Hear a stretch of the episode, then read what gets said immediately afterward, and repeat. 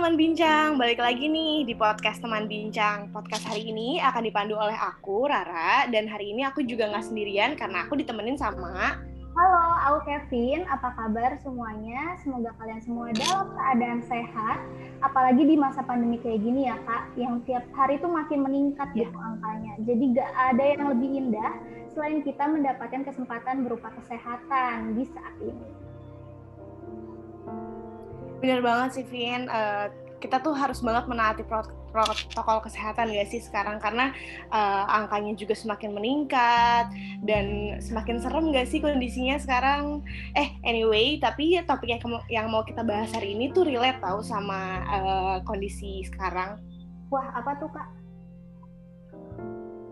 jadi hari ini kita mau bahas terkait penerimaan. Relate kan? Karena pasti kita ngelewatin fase penerimaan kan. Pas menghadapi awal-awal nih COVID kita harus berubah, pakai masker setiap hari, terus kita harus new normal segala macam. Uh, pasti kan kita ngelewatin fase yang dinamakan penerimaan. Bener banget tuh kak. Tapi aku pribadi ya kayak masih kurang paham gitu, kayak masih ngawang tentang penerimaan tuh apa sih? Arti dari penerimaan tuh apa gitu? Tenang, tenang. Hari ini aku ajak salah satu ahlinya yang bisa kita tanya-tanya lebih lanjut nih tentang penerimaan. Wah, siapa tuh, Kak? Please welcome Kak Melisa. Hai, hai teman-teman. Halo. Melisa.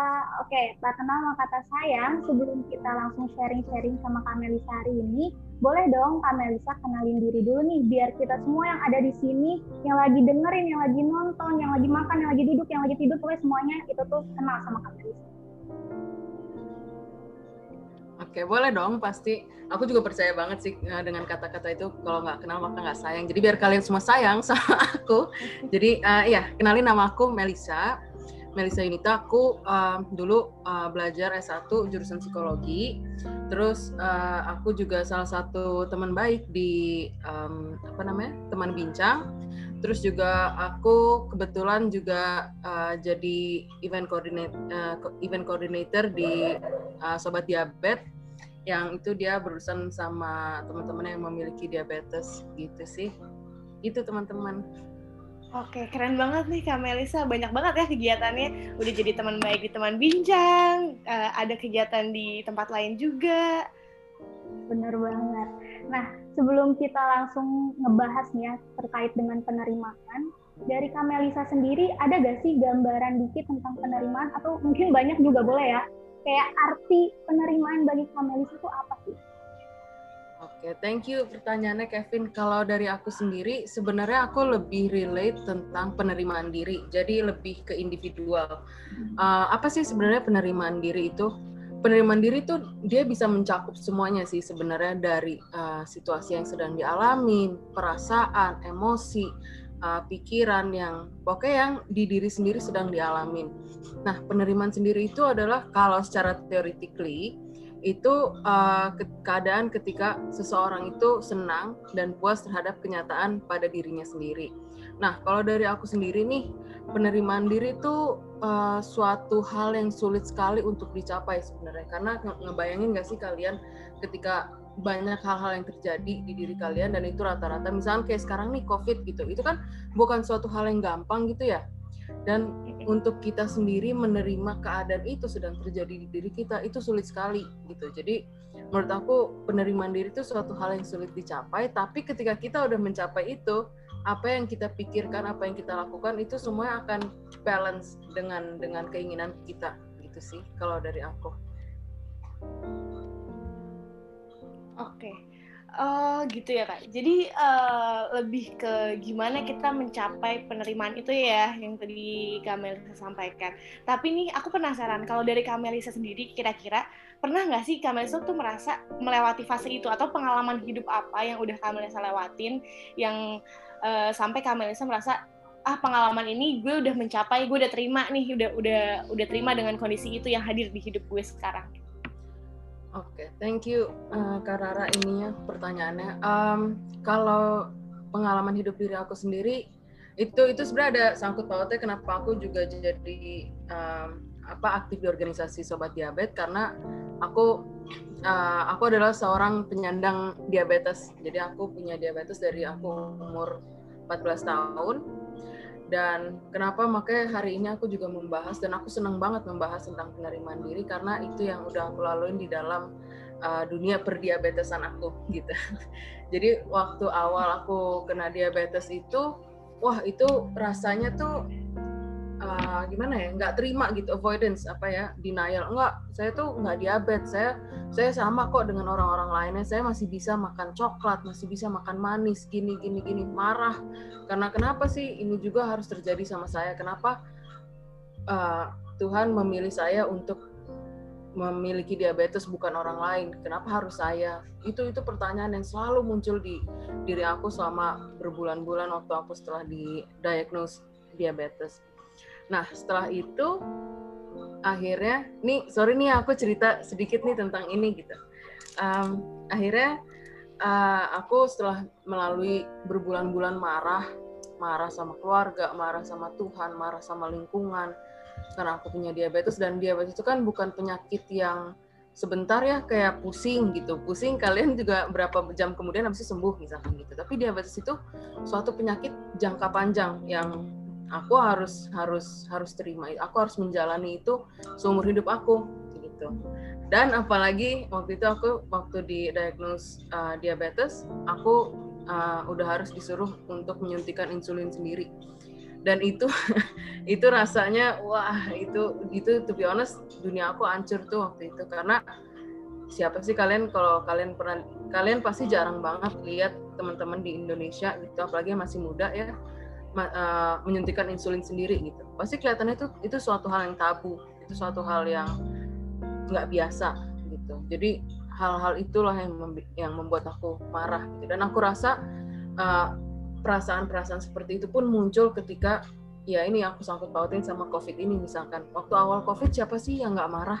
Siapa sih nggak yang benci? Kenapa sih kok kita di tahun ini misalkan kita baru lulus nih kenapa sih kok pas gue baru lulus tiba-tiba covid gue jadi susah cari kerjaan gue jadi harus stay at home gini gini gini itu perasaan perasaan itu ya mirip karena kita harus facing the truth yaitu ya emang keadaannya nggak enak gitu ya udah setelah itu berbulan-bulan aku marah gini gini sampai akhirnya aku capek sendiri marah. Aku capek aku aku capek nangis aku capek marah aku capek dunia aku tuh dipenuhi dengan uh, banyak hal yang negatif gitu.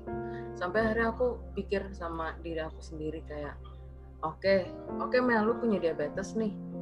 Terus apa nih yang lo mau lakuin tentang diabetes ini? Lo mau terus fighting this diabetes fighting as in kayak gue nggak mau punya ini gue nggak mau gue mau tetap jadi normal gue mau tetap jadi orang normal. Atau ya lo terima bahwa lo emang punya diabetes gitu. Lo akan lo akan hidup dengan insulin seumur hidup lo lu mau yang mana nih? Gue tahu Mel lu capek kalau lu marah terus gini. Lu capek kesehatan mental lu terganggu lu nggak punya temen. Lu keluarga mulai mulai menjauhi lu karena lu marah-marah terus gitu. Tapi ya akhirnya aku mikir kayak aku nggak mau nggak mau marah sama diri aku sendiri aku nggak mau kayak gini terus aku capek gitu akhirnya itulah muncul di situ kayak oke okay, di sini emang saatnya gue harus terima kalau gue tuh punya diabetes gitu. Dan dari titik itu ketika aku menerima aku memiliki diabetes, hidup aku berubah 180 derajat. Gitu sih, teman-teman. Ya keren banget, Kak. Okay. Eh sebelum sebelum ke pertanyaan selanjutnya aku Sebelum ke pertanyaan selanjutnya, aku ada pertanyaan dikit nih, Vin, terkait ceritanya Kamelisa tadi.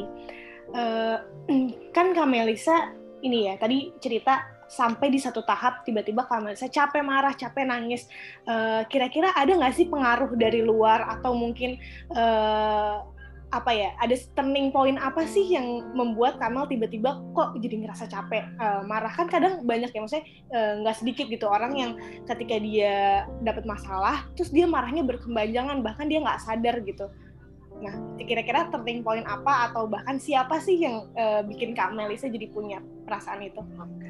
Oke, okay. Ini pertanyaannya unik banget sih. Uh, ju jujur ini baru kepikiran sama aku, tapi tadi pas uh, Karara nanya itu, yang ke, apa pop up di di kepala aku pertama kali adalah keluarga. Uh, bukan bukan karena keluarga aku nggak terima aku apa adanya dan segala enggak tapi karena mereka tuh mengasihani kondisi aku gitu. Jadi kayak mereka tuh uh, banyak di keluarga aku tuh yang bilang aduh kasihannya Melisa masih muda udah kena diabetes. Aduh kamu tuh nggak boleh makan ini itu ini itu. Kamu tuh harus sehat gini gini, gini. karena kalau enggak kamu tuh akan punya jadi kayak seakan-akan tuh hidup aku tuh mereka yang tentuin gitu masa depannya. Kalau kamu nggak gini, maka kamu akan kayak gini. Kalau kamu bla bla bla, maka nanti kamu ke depannya gini segala. Itu itu yang yang paling membuat aku marah gitu. Itu bukan mereka dukung, tapi dukungnya tuh dalam bentuk kayak gitu, dalam bentuk concern dan mengasihani yang sebenarnya itu tidak memberikan benefit atau keuntungan untuk diri aku sendiri karena aku jadi nggak percaya sama diri aku sendiri bahwa aku bisa ngelaluin ini. Itu sih buat hebat Kamelis. Dari Kamelisa sendiri nih, sebenarnya ada gak sih tips and trick gitu untuk kita semua nih ya, untuk saya menerima situasi yang mungkin gak kita ekspektasi sebelumnya gitu kayak tadi ya kan kita gak berekspektasi bakal ada pandemi kita gak berekspektasi kita bakal kena suatu penyakit gitu yang mungkin situasinya juga bikin kita jadi berada di titik terendah kita kira-kira dari Kamelisa sendiri ada gak sih tips and?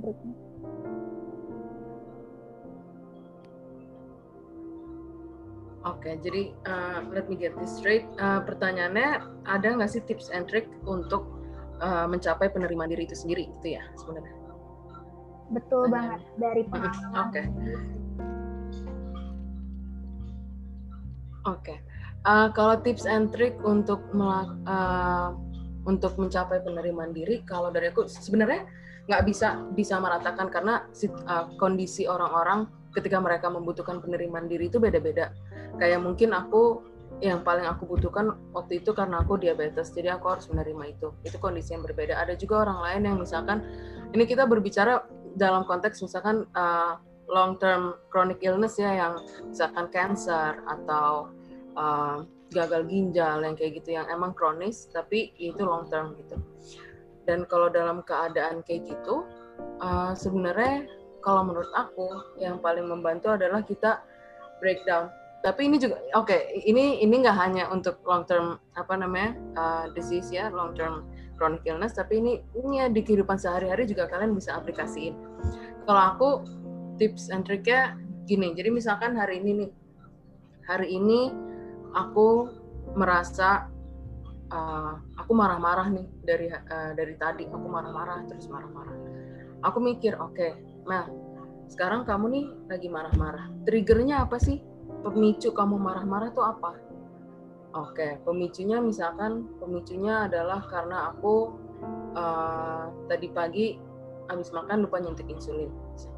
Uh, atau contohnya yang lebih lebih relate sama orang lain. Misalkan kalian tuh mau hari ini tuh berjalan dengan sempurna. Kalian pagi-pagi udah bikin list ini tuh ini itu ini itu dan kalian mau ini berjalan dengan sempurna. Taunya di tengah jalan kalian ini nggak berjalan dengan sempurna nih jadi kalian marah-marah. Jadi triggernya adalah itu, trigger atau pemicunya adalah kalian mau hari ini menjadi sempurna tapi enggak, ya kan? Terus dari situ triggernya aku breakdown lagi, oke, okay, triggernya udah ketemu, terus kemudian pikiran apa sih yang muncul ketika trigger itu terjadi? Oke, okay, pikiran yang muncul adalah ah saya ini orang yang useless, tidak berguna karena hari, saya aja nggak bisa apa jalanin satu hari tanpa adanya masalah gitu maka pikiran yang muncul ada ya saya adalah orang useless gitu. Setelah dari pikiran, habis itu kita breakdown lagi ke feelings atau emotions. Apa sih yang kita rasa ketika trigger itu terjadi, pemikiran itu muncul, pikiran itu muncul, maka apa yang kita rasa? Saya merasakan marah, saya merasakan sedih karena saya nggak bisa get through this day dengan apa yang saya rencanakan. Gitu. Kita breakdown itu feelings. Terus kemudian tahap berikutnya adalah physical. Physical as in kayak apa sih secara fisik yang kita rasa. Tadi kan pemikiran udah, feelings udah, sekarang physical. Perasaan secara fisik tuh apa yang kita rasa. Kalau misalkan ada orang yang kalau kayak gitu sakit mah atau jantungnya apa berdegup kencang atau habis itu ada yang apa getar apa tremor gitu karena karena marah gitu itu. Terus habis itu yang terakhir yang kita lihat apa sih tindakan kita terhadap gitu, terhadap hal-hal tersebut? Gitu. tindakan kita tuh apa? Ada yang misalkan aku misalkan iya aku abis itu marah-marah aku lempar buku misalkan kayak gitu.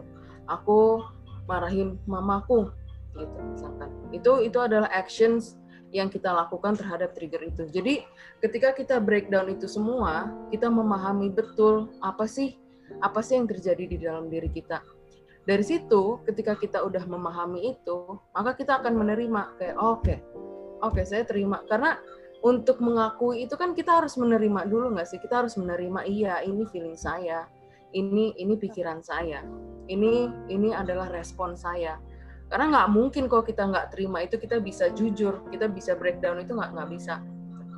Jadi ketika itu semua udah di breakdown akhirnya kita mencapai kayak oh ya saya terima tadi saya marah karena saya nggak bisa get through the day dengan ini action saya adalah ini oke saya terima gini. Terus yang terakhir yang paling penting adalah menurut kalian action yang kalian lakukan itu adalah action yang sepantasnya atau enggak kalian mau get better atau enggak dari action itu? Misalkan tadi action saya adalah marah sama ibu saya. Saya mikir oke okay, Mel action lu ternyata marah nih sama ibu lu. Lu mau get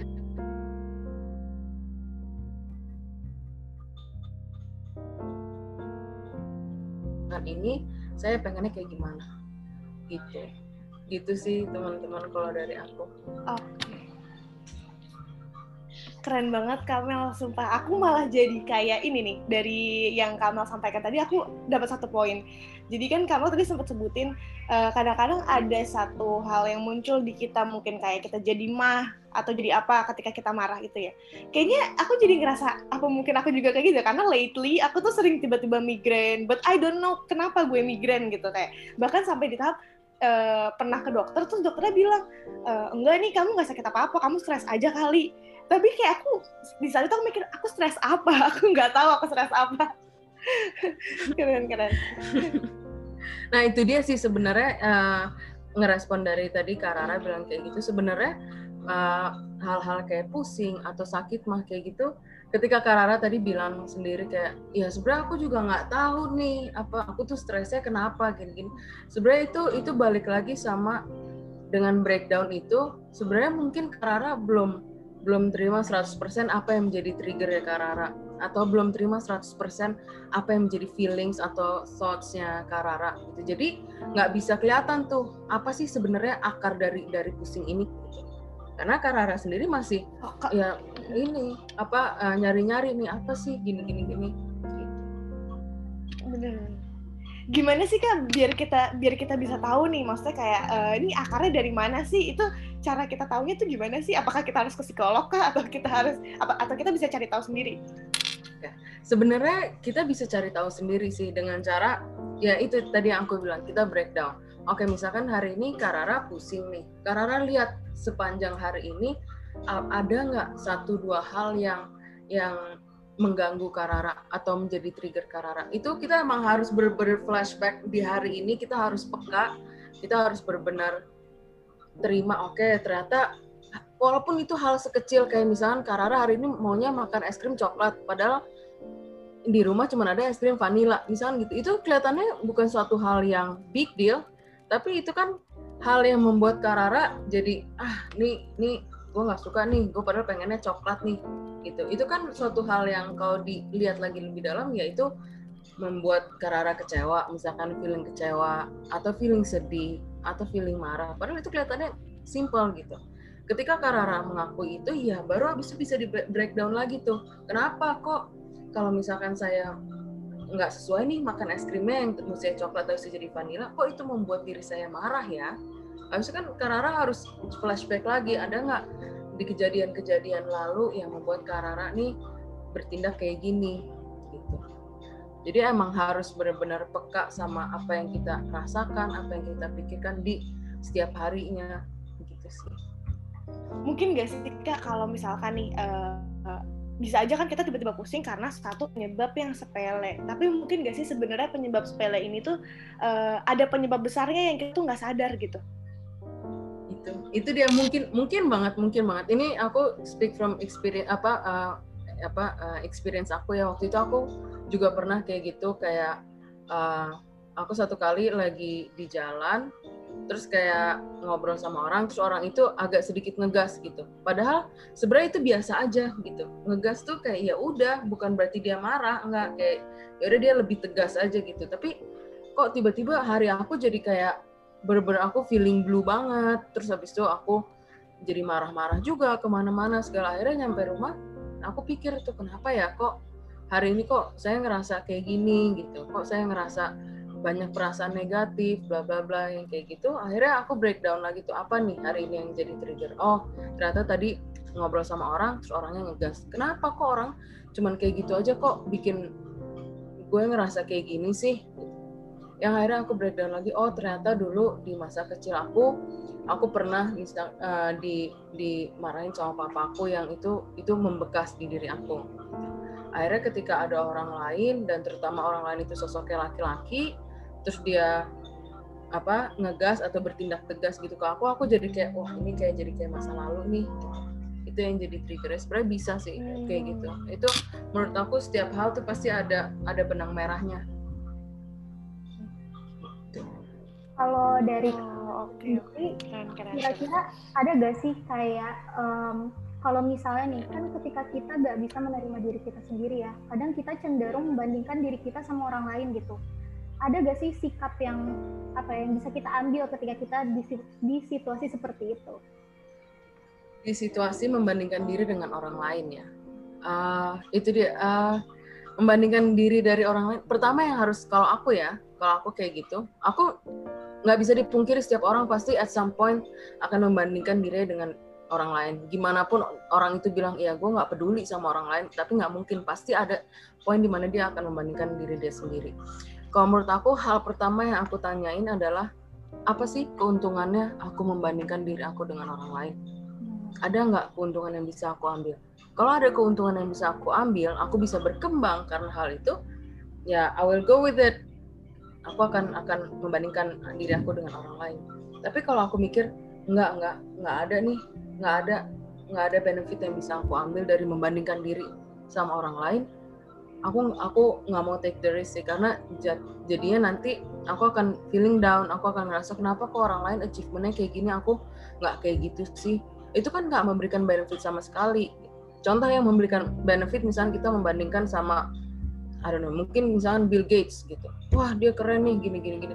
Ada orang yang bisa dengan membandingkan gitu, mereka jadi motivasi gitu. Oh ya nih saya bisa nih kayak gini, harus bisa nih kayak gini. Bill Gates saja bisa, masa saya nggak bisa ada orang yang kayak gitu itu bagus untuk motivasi gitu tapi kalau ternyata itu malah bringing you down ya buat apa benefitnya gitu sih kalau aku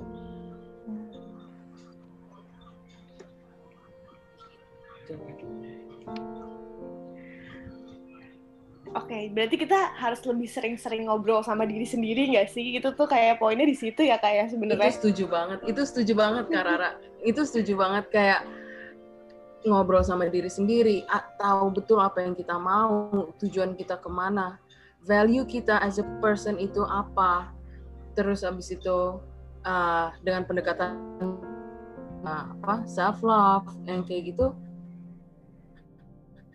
itu pernah terutama apa aku di sini bicara tentang long term chronic illness itu aku nggak bisa menekankan lagi seberapa pentingnya untuk dekat sama diri sendiri ketika kita mengalami long term chronic illness ini gitu. Yang kalian dan maksudnya kita yang punya LTC itu akan menghadapi penyakit itu harus harus berteman sama penyakit itu gitu.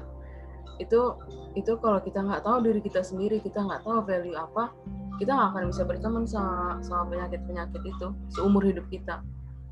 Gitu sih. Bener banget sih. Karena aku aku sendiri pun aku nggak kebayang gitu ya mungkin uh, jadi Kamelisa yang harus berhadapan dengan itu setiap hari dealing with uh, apa namanya penyakit yang ya ya udah kita akan bersama itu. Dan untuk menerima itu pasti susah banget kan? Susah banget susah banget susah banget itu dia makanya kayak uh, sebenarnya aku pengen banget menekankan dan kalau bisa kayak dengan podcast ini gitu misalkan nanti podcast ini bisa banyak uh, insya Allah bisa banyak membantu teman-teman yang emang lagi menghadapi LTC long term chronic illness kayak gitu bahwa kalian tuh nggak sendiri ngadepin ini. Kalian kalian punya teman-teman lain yang sama ngadepinnya bareng-bareng dan kalau kalian apa ya ngerasa sendiri merasa lagi marah lagi benci sama penyakit kalian it's okay and it's normal to feel that way gitu loh. Dan kayak banyak banyak kalau menurut aku banyak banget orang yang uh, dengan penyakit penyakit kayak gitu ya banyak banget dari kita tuh yang menolak menolak untuk untuk feeling not good gitu loh. Padahal emang emang nggak enak gitu punya penyakit kayak gitu emang nggak enak. Tapi kenapa harus kita tolak? Nah itu dia. Banyak banget orang yang menolak. Enggak saya nggak mau berperasaan kayak gitu. Saya mau fix this. Itu juga salah satu yang bikin sulit untuk menerima diri adalah urges to fix apa ya keinginan untuk untuk memperbaiki keinginan untuk sembuh keinginan untuk tidak merasakan yang tidak enak gitu. Padahal ya emang emang nggak enak perasaannya padahal emang kalian nggak bisa fix itu seumur hidup. Aku nggak bisa fix diri aku untuk tidak menjadi seorang diabetes ya itu nggak bisa itu impossible gitu. Jadi ya choose nah, kalian mau mau yang mana nih? Kalian mau berjuang bareng sama penyakit kalian menjadi manusia utuh atau kalian mau terus deny itu dan kalian akan menghadapi in the future menghadapi obstacles yang lebih susah lagi. Gitu. Bener banget.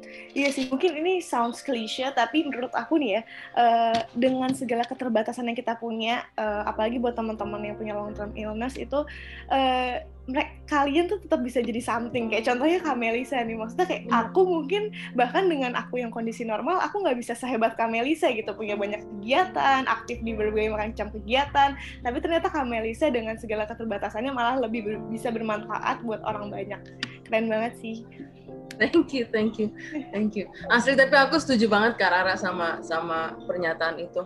Aku ingat waktu itu pertama kali aku didiagnose, dokter aku bilang, e, kamu dengan diabetes tuh nggak akan menghalangi menghalangi kamu untuk menjadi apa yang kamu mau kok. Dia bilang, kamu mau jadi perenang profesional boleh, nggak akan ada yang bisa ngalangin kamu sama itu. Even diabetes kamu, even kamu sakit apa nanti ke depannya, nggak akan ada yang bisa. Yang bisa menghalangi kamu dari apa yang kamu mau ya cuma diri kamu sendiri. Benar banget. Benar sih. Iya iya.